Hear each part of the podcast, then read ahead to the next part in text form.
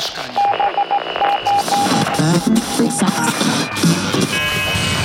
Odsłuch społeczny. Witam serdecznie w kolejnym odcinku Odsłuchu Społecznego. Z tej strony Sławek Cygler, a moją rozmówczynią jest dziś Ania Franczak, założycielka Instytutu Dobrej Śmierci. Dzień dobry. Dzień dobry. Powiedz mi, e, dlaczego śmierć to w Polsce tabu?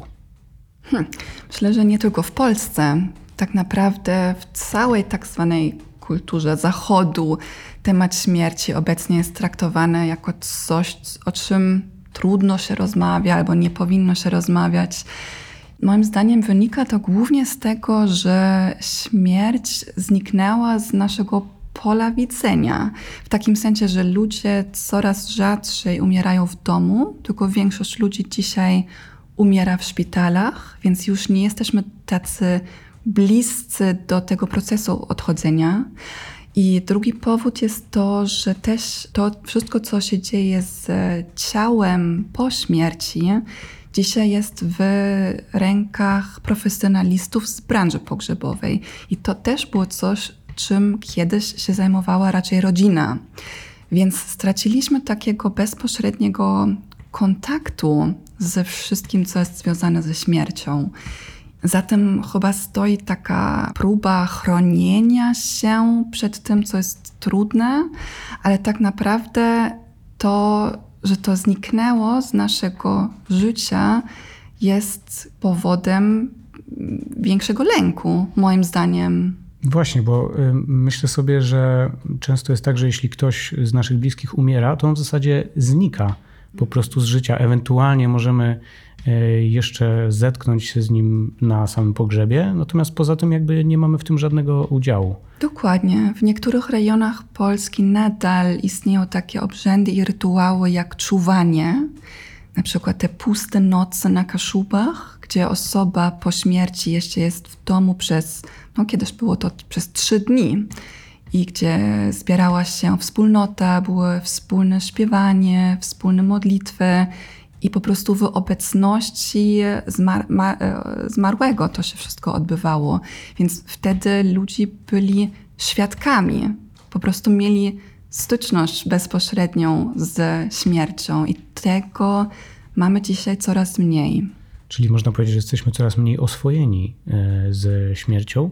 Czy to nam utrudnia, czy ułatwia przechodzenie przez żałobę? Moim zdaniem to nam utrudnia, bo wszystko, co jest ukryte, co jest niewidziane, tam po prostu projektujemy nasze obrazy i często te obrazy są straszne. Często są dużo trudniejsze niż rzeczywistość, tak uważam.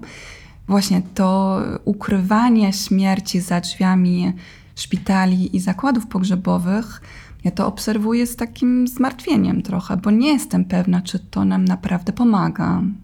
To jak w takim razie zaczęła się działalność in Instytutu Dobrej Śmierci i jakby, jak wygląda Twoja historia?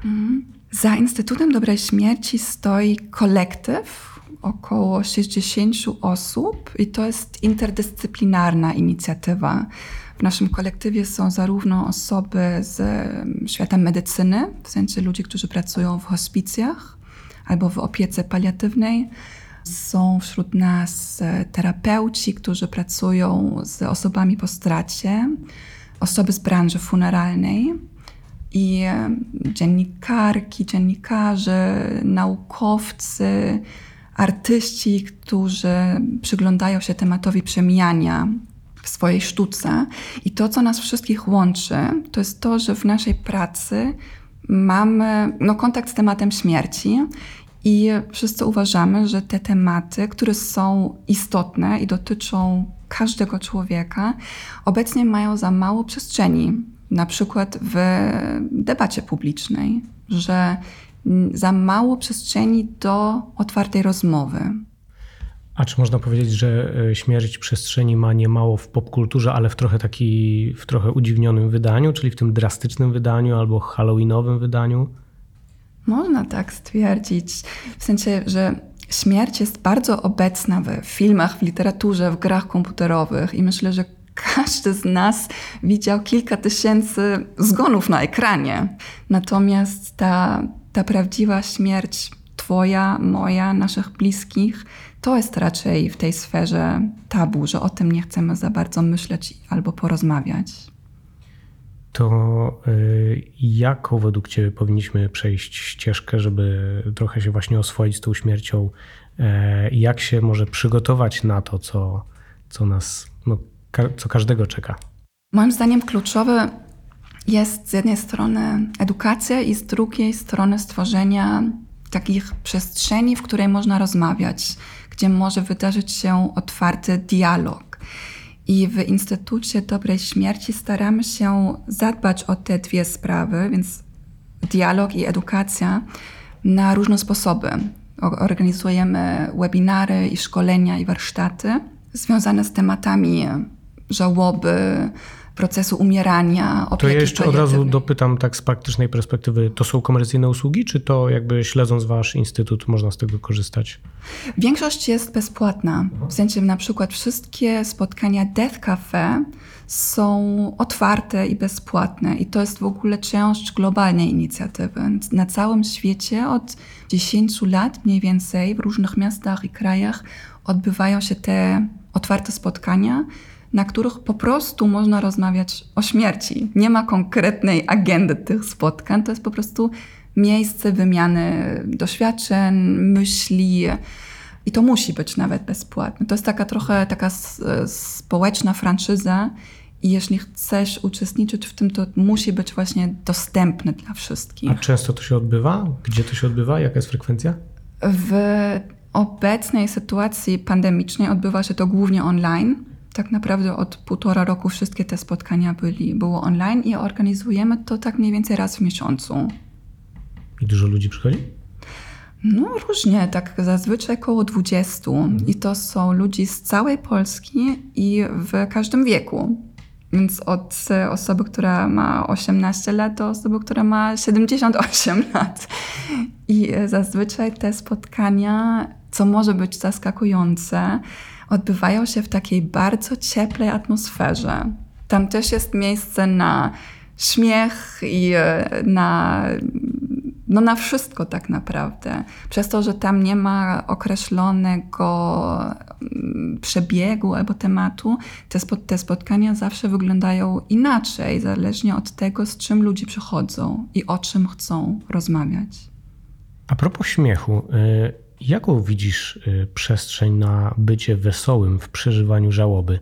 E, bo czasami ludzie, jak słyszą, że ktoś komuś umarł, to natychmiast nie wiedzą, co zrobić, są śmiertelnie poważni i nie potrafią się w tym odnaleźć, a czasem może można by e, jakoś lekko zagadać do kogoś o śmierci? Myślę, że można. To zależy od sytuacji. Na pewno takie myślenie, że, że to musi być bardzo poważne i ciężkie, jest zbyt ograniczające, bo żałoba to nie jest tylko smutek i rozpacz, tylko w żałobie pojawia się cały wachlarz różnych emocji. To nie jest tak, że żałoba trwa przez pewien czas i w pewnym momencie się kończy, i potem już można wrócić do jakiegoś rodzaju, nie wiem, normalności, cokolwiek to ma być. Żałoba działa raczej w formie takich fal, że w ciągu dnia są takie i takie momenty. I myślę, że trzeba wyjść z takiego myślenia czarno-białego, że najpierw trzeba, nie wiem, domknąć tego procesu żałoby. To jest w ogóle bardzo stare myślenie o procesie żałoby i dopiero wtedy można znowu odczuwać radość i szczęście. Nie, to może istnieć równolegle w takim życiu w pełni jest miejsce zarówno na żałobę i na doświadczanie radości i szczęścia. Bo taka żałoba po osobie naprawdę bardzo bliskiej, ona tak naprawdę nigdy się nie kończy. Kiedy stracimy mamę, albo własne dziecko, albo partnera, to zostanie z nami przez całe nasze życie. Ale to nie znaczy, że już zawsze będziemy cierpieć cały czas. Żałoba się nie kończy, moim zdaniem, ale ona bardzo zmienia swój charakter. A czy to właśnie strata kogoś ciebie pchnęła w kierunku zainteresowania się tym tematem? Tak, u mnie ta cała droga zawodowa y, związana z żałobą i śmiercią miała swój początek w doświadczeniu osobistym, że straciłam dziecko y, w trakcie ciąży. I wtedy się spotykałam z takim totalnym przerażeniem w moim otoczeniu, że nikt nie wiedział, co powiedzieć, jak mnie traktować. Ludzie dali mi jakieś porady i, i zdałam sobie wtedy sprawę z tego, że to jest jakiś problem kulturowy. W sensie, że nie żałoba jest problemem, który trzeba rozwiązać, bo tego się nie da rozwiązać, ale że mamy naprawdę jakiś problem we współczesnej kulturze. Taki lęk przed dzieleniem się bezradności na przykład, albo w ogóle lęk przed właśnie przed tym spotkaniem się we wspólnocie w tych tak zwanych trudnych tematach. To ja wiem, że to może będzie duże uproszczenie i że nie ma na to tyle czasu, ale tak generalnie, co byś powiedziała osobom, które właśnie stykają się z kimś, kto doświadczył bolesnej straty? Ja bym powiedziała, że spróbuj przede wszystkim się naprawdę zainteresować tą osobą.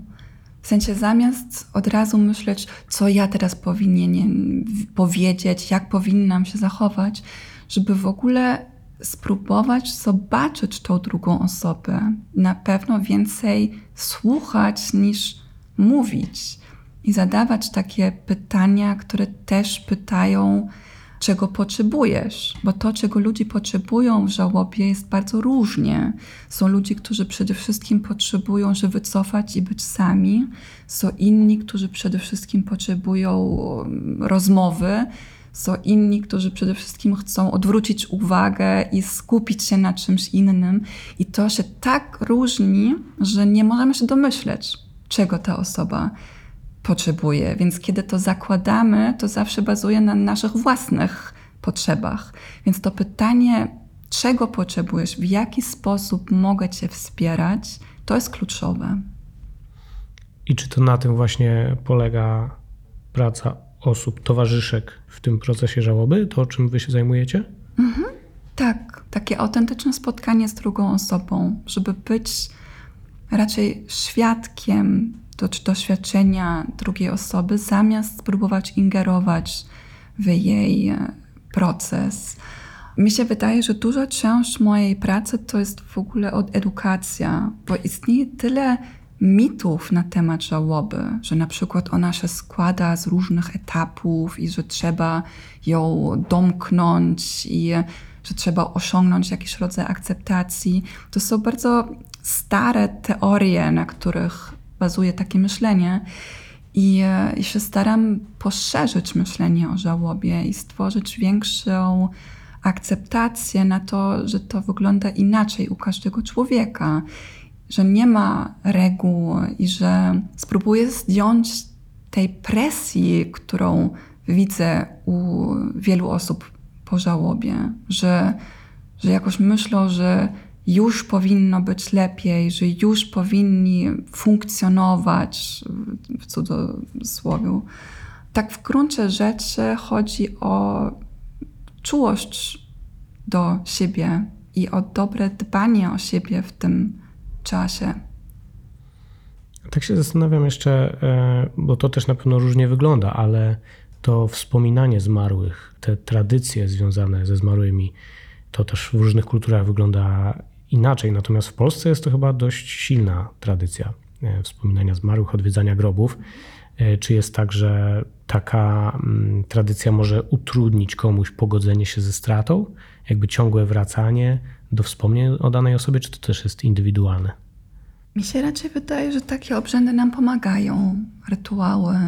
Mam nawet wrażenie, że brakuje nam takich rytuałów, bo to święto zmarłych to tak naprawdę jest jedyne takie szeroko znane i praktykowane rytuał, a tak naprawdę nasi zmarli są obecni w naszym życiu w różne sposoby. Przez wspomnienia, przez to, że myślimy o nich, że opowiadamy o nich. Dużo osób ma jakieś takie swoje prywatne praktyki, typu, nie wiem, że dziadek e, kiedyś miał warzywa w ogrodzie i teraz my to robimy, uhonorując dziadka.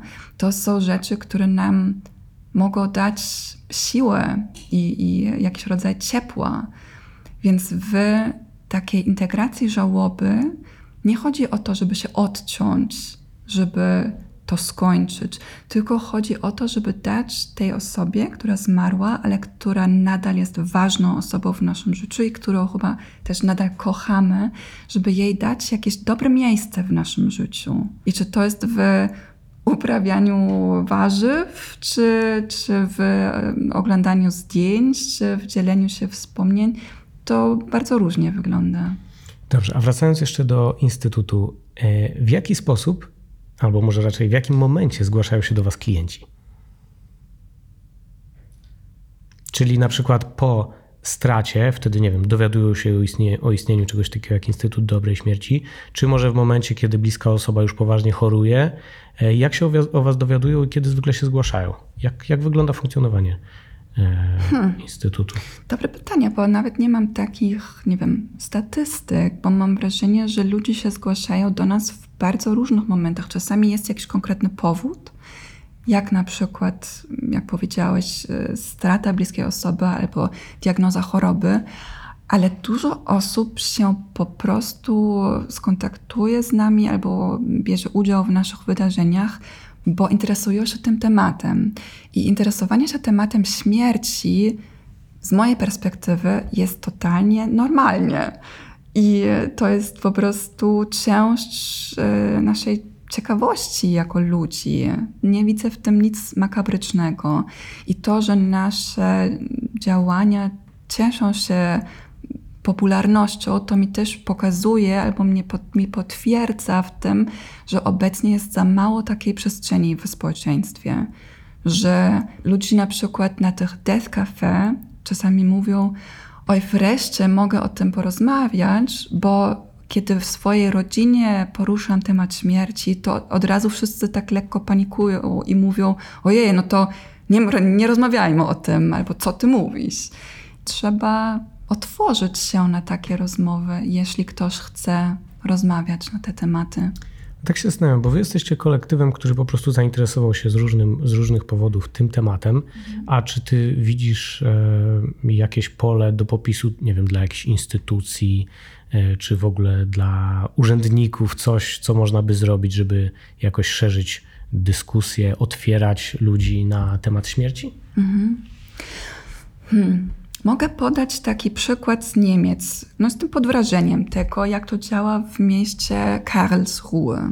To jest na, na południu Niemiec. Tam obok e, głównego cmentarza jest centrum żałoby. Mały, sympatyczny budynek, i tam codziennie odbywają się różne grupy wsparcia. We wtorek dla seniorów, w środę dla nastolatków, w, w czwartek dla kobiety, które straciły dzieci.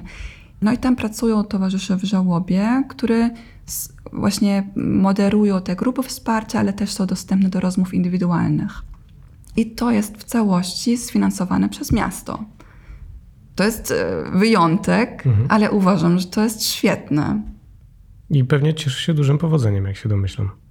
O ile wiem, tak. Mhm. E, ale to jest wyjątek, e, niekoniecznie coś, co organizują, nie wiem, urzędnicy w Niemczech? No tam, skoro to jest e, sfinansowane przez budżet miasta, to myślam się, że to okay. jest też współorganizowane mhm. przez gminę. Wy, jak funkcjonujecie u siebie, powiedziałaś, że e, macie specjalistów z różnych dziedzin. Czy to jest tak, że po jakimś pierwszym kontakcie e, osoby potrzebującej takiego wsparcia, wy robicie rozpoznanie, w jakich dziedzinach, czy jakich specjalistów skontaktować z tą osobą? Jak wygląda początek współpracy? No, większość naszych um, działań to nie są, ich charakterem nie jest wsparcie, tylko edukacja. No, więc kiedy to się zdarza regularnie, że piszą do nas, do nas osoby, które szukają pomocy i wsparcia, i wtedy je przekieruję do pojedynczych e, konkretnych osób z naszego kolektywu, ale wtedy oni już nawiązują kontakt z tą osobą. To już wtedy nie jest na poziomie kolektywu, tylko wtedy skierujemy dalej. Okej, okay, a myślisz, że jest taka zależność, że czasem właśnie osoby nieznane nam wcześniej, jako te, ci towarzysze, towarzyszki, mogą dać więcej niż bliscy, albo dać coś innego w tym obserwowaniu tego procesu niż bliscy? Tak, ja myślę, że czasami właśnie taka rozmowa z obcą osobą może być bardziej otwarta niż, niż z kimś w rodzinie. Też z osobą, która nas nie zna i nie ma już jakiegoś obrazu nas. Czasami te rozmowy w rodzinie są w pewnym sensie trochę, no to zależy oczywiście od rodziny, ale czasami się pojawia jakiś rodzaj autocenzury, bo chcemy chronić naszych bliskich. Więc mówimy, że jest, jest ok, już jest w porządku, no bo nie chcemy, żeby, się, żeby nasi bliscy się martwili. Więc to jest jedna z szans właśnie w rozmowie z, z obcą osobą że tam nie trzeba cenzurować swoich słów. I czasami ludzie mówią, że pierwszy raz wtedy naprawdę bez krępowania się mogą, mogą wyrazić swoje, swoje myśli. A co myślisz o takim e, dzieleniu się informacją o śmierci z całym światem w cudzysłowie? Czyli na przykład w mediach społecznościowych e, niektórzy idą w tę stronę, czyli właśnie ogłaszają się na profilu E, no i trafiają no, czasami do setek czy tysięcy ludzi niekoniecznie blisko związanych z nimi. Czy to jest jakiś sposób? W jakim sensie? Że ogłaszają w mediach społecznościowych? Wpi wpis na przykład na Facebooku, e, że no, ktoś zmarł, e, po prostu taka informacja. Oczywiście może być tam też informacja o pogrzebie, powiedzmy, ale mm -hmm. no bo zastanawia mnie to, jak przeżywanie śmierci zmieniło się tak naprawdę przez media, media społecznościowe, przez obraz śmierci w popkulturze? Tak naprawdę nie wiem, czy media społecznościowe akurat w tym obszarze mają takie duże znaczenie. Takie ogłoszenie e, informacji o tym, że ktoś zmarł. Mm, co dla mnie jest e, bardziej taką ciekawą zagadką w kontekście na przykład Facebooka, do którego się zapisuje coraz mniej młodych osób to znaczy, że za jakiś czas cały Facebook się zamienia w cmentarz wirtualny. Że tam po prostu będą od pewnego momentu więcej, będzie więcej profili osób nieżyjących niż żyjących.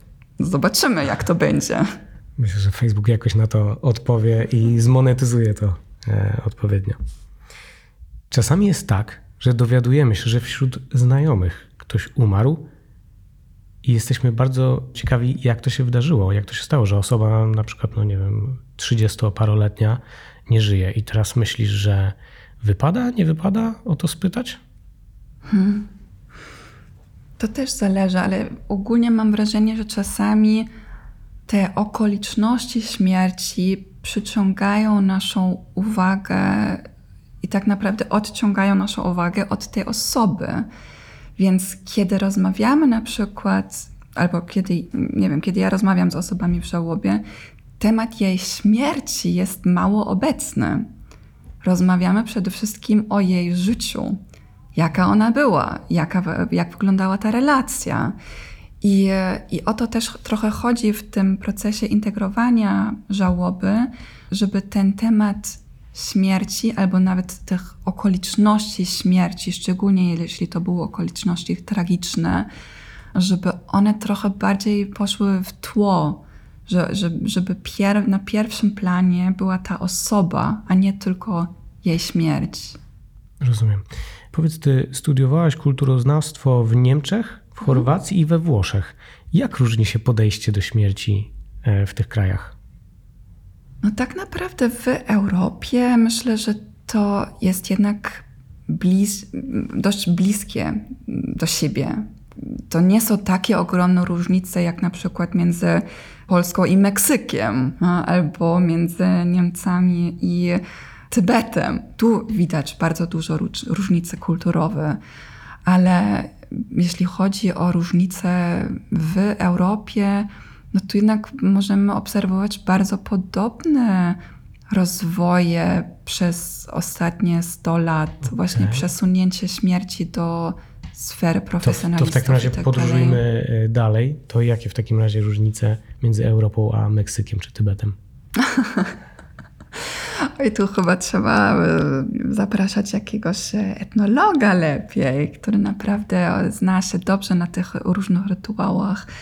A właśnie kluczowe tu są rytuały, no, że, że święto zmarłych w Meksyku ma taki charakter bardzo kolorowy. Czy jest tam jakaś większa doza radości? Może? Myślę, że jest większy wachlarz moż- możliwych emocji, że właśnie jest miejsce i na smutek, i na radość, i na em, świętowanie na cmentarzach, i na kolory, że ta strefa tego, co jest uważane za godne albo normalne, jest szersza. Ktoś mi ostatnio opowiedział historię, w której e, po śmierci dziadka okazało się, że zostawił sporą sumę e, z informacją dla rodziny, żeby za tą sumę organizowali, póki starczy pieniędzy, imprezę co roku w rocznicę jego śmierci. I ta tradycja faktycznie powstała. Pięknie. E, Właśnie, więc e, ty myślisz, że warto poszerzać wachlarz tych emocji e, związanych ze śmiercią? Tak, i widzę z taką fascynacją, że ludzie w pewnym sensie wymyślają swoje własne współczesne rytuały. Dam ci przykład akurat z mojej rodziny. Jakiś czas temu zmarł mój wujek, który był świetnym kucharzem. I w dniu jego urodzin, teraz cała nasza rodzina, która mieszka w różnych krajach i w różnych miastach, wszyscy gotujemy jego ulubione danie i relacjonujemy to nawzajem na żywo na WhatsAppie. I potem na końcu wszyscy wysyłamy zdjęcia tego dania. No? I, I to jest piękne, bo oczywiście ten dzień tej rocznicy jest mega smutny, ale nie tylko, bo właśnie dzielimy się tym doświadczeniem tego dnia i tworzymy coś kreatywnie. O to też chodzi, że żałobę nie trzeba jakoś przeczekać, aż ona minie, tylko mamy wpływ na to, jak się zachowujemy, jak, co robimy, jak dbamy o siebie, jak stworzymy wspólnotę. I w tym moim zdaniem jest właśnie taki klucz do zdrowego przeżywania tego we wspólnocie. I tego dzisiaj nam bardzo brakuje. Niestety czas na odcinek nam się kończy, ale chyba kończymy go z uśmiechem na ustach. Bardzo się cieszę. E, Naszą rozmówczynią była dziś Ania Franczak, założycielka Instytutu Dobrej Śmierci. Bardzo dziękuję. Bardzo dziękuję. A dzisiejszy odcinek przygotowywała Magdalena Gromniak-Szi, a realizował Robert Gańko. A ja Was tradycyjnie serdecznie zapraszam do słuchania naszego podcastu na wszelkich platformach streamingowych. Do usłyszenia za tydzień. Odsłuch społeczny.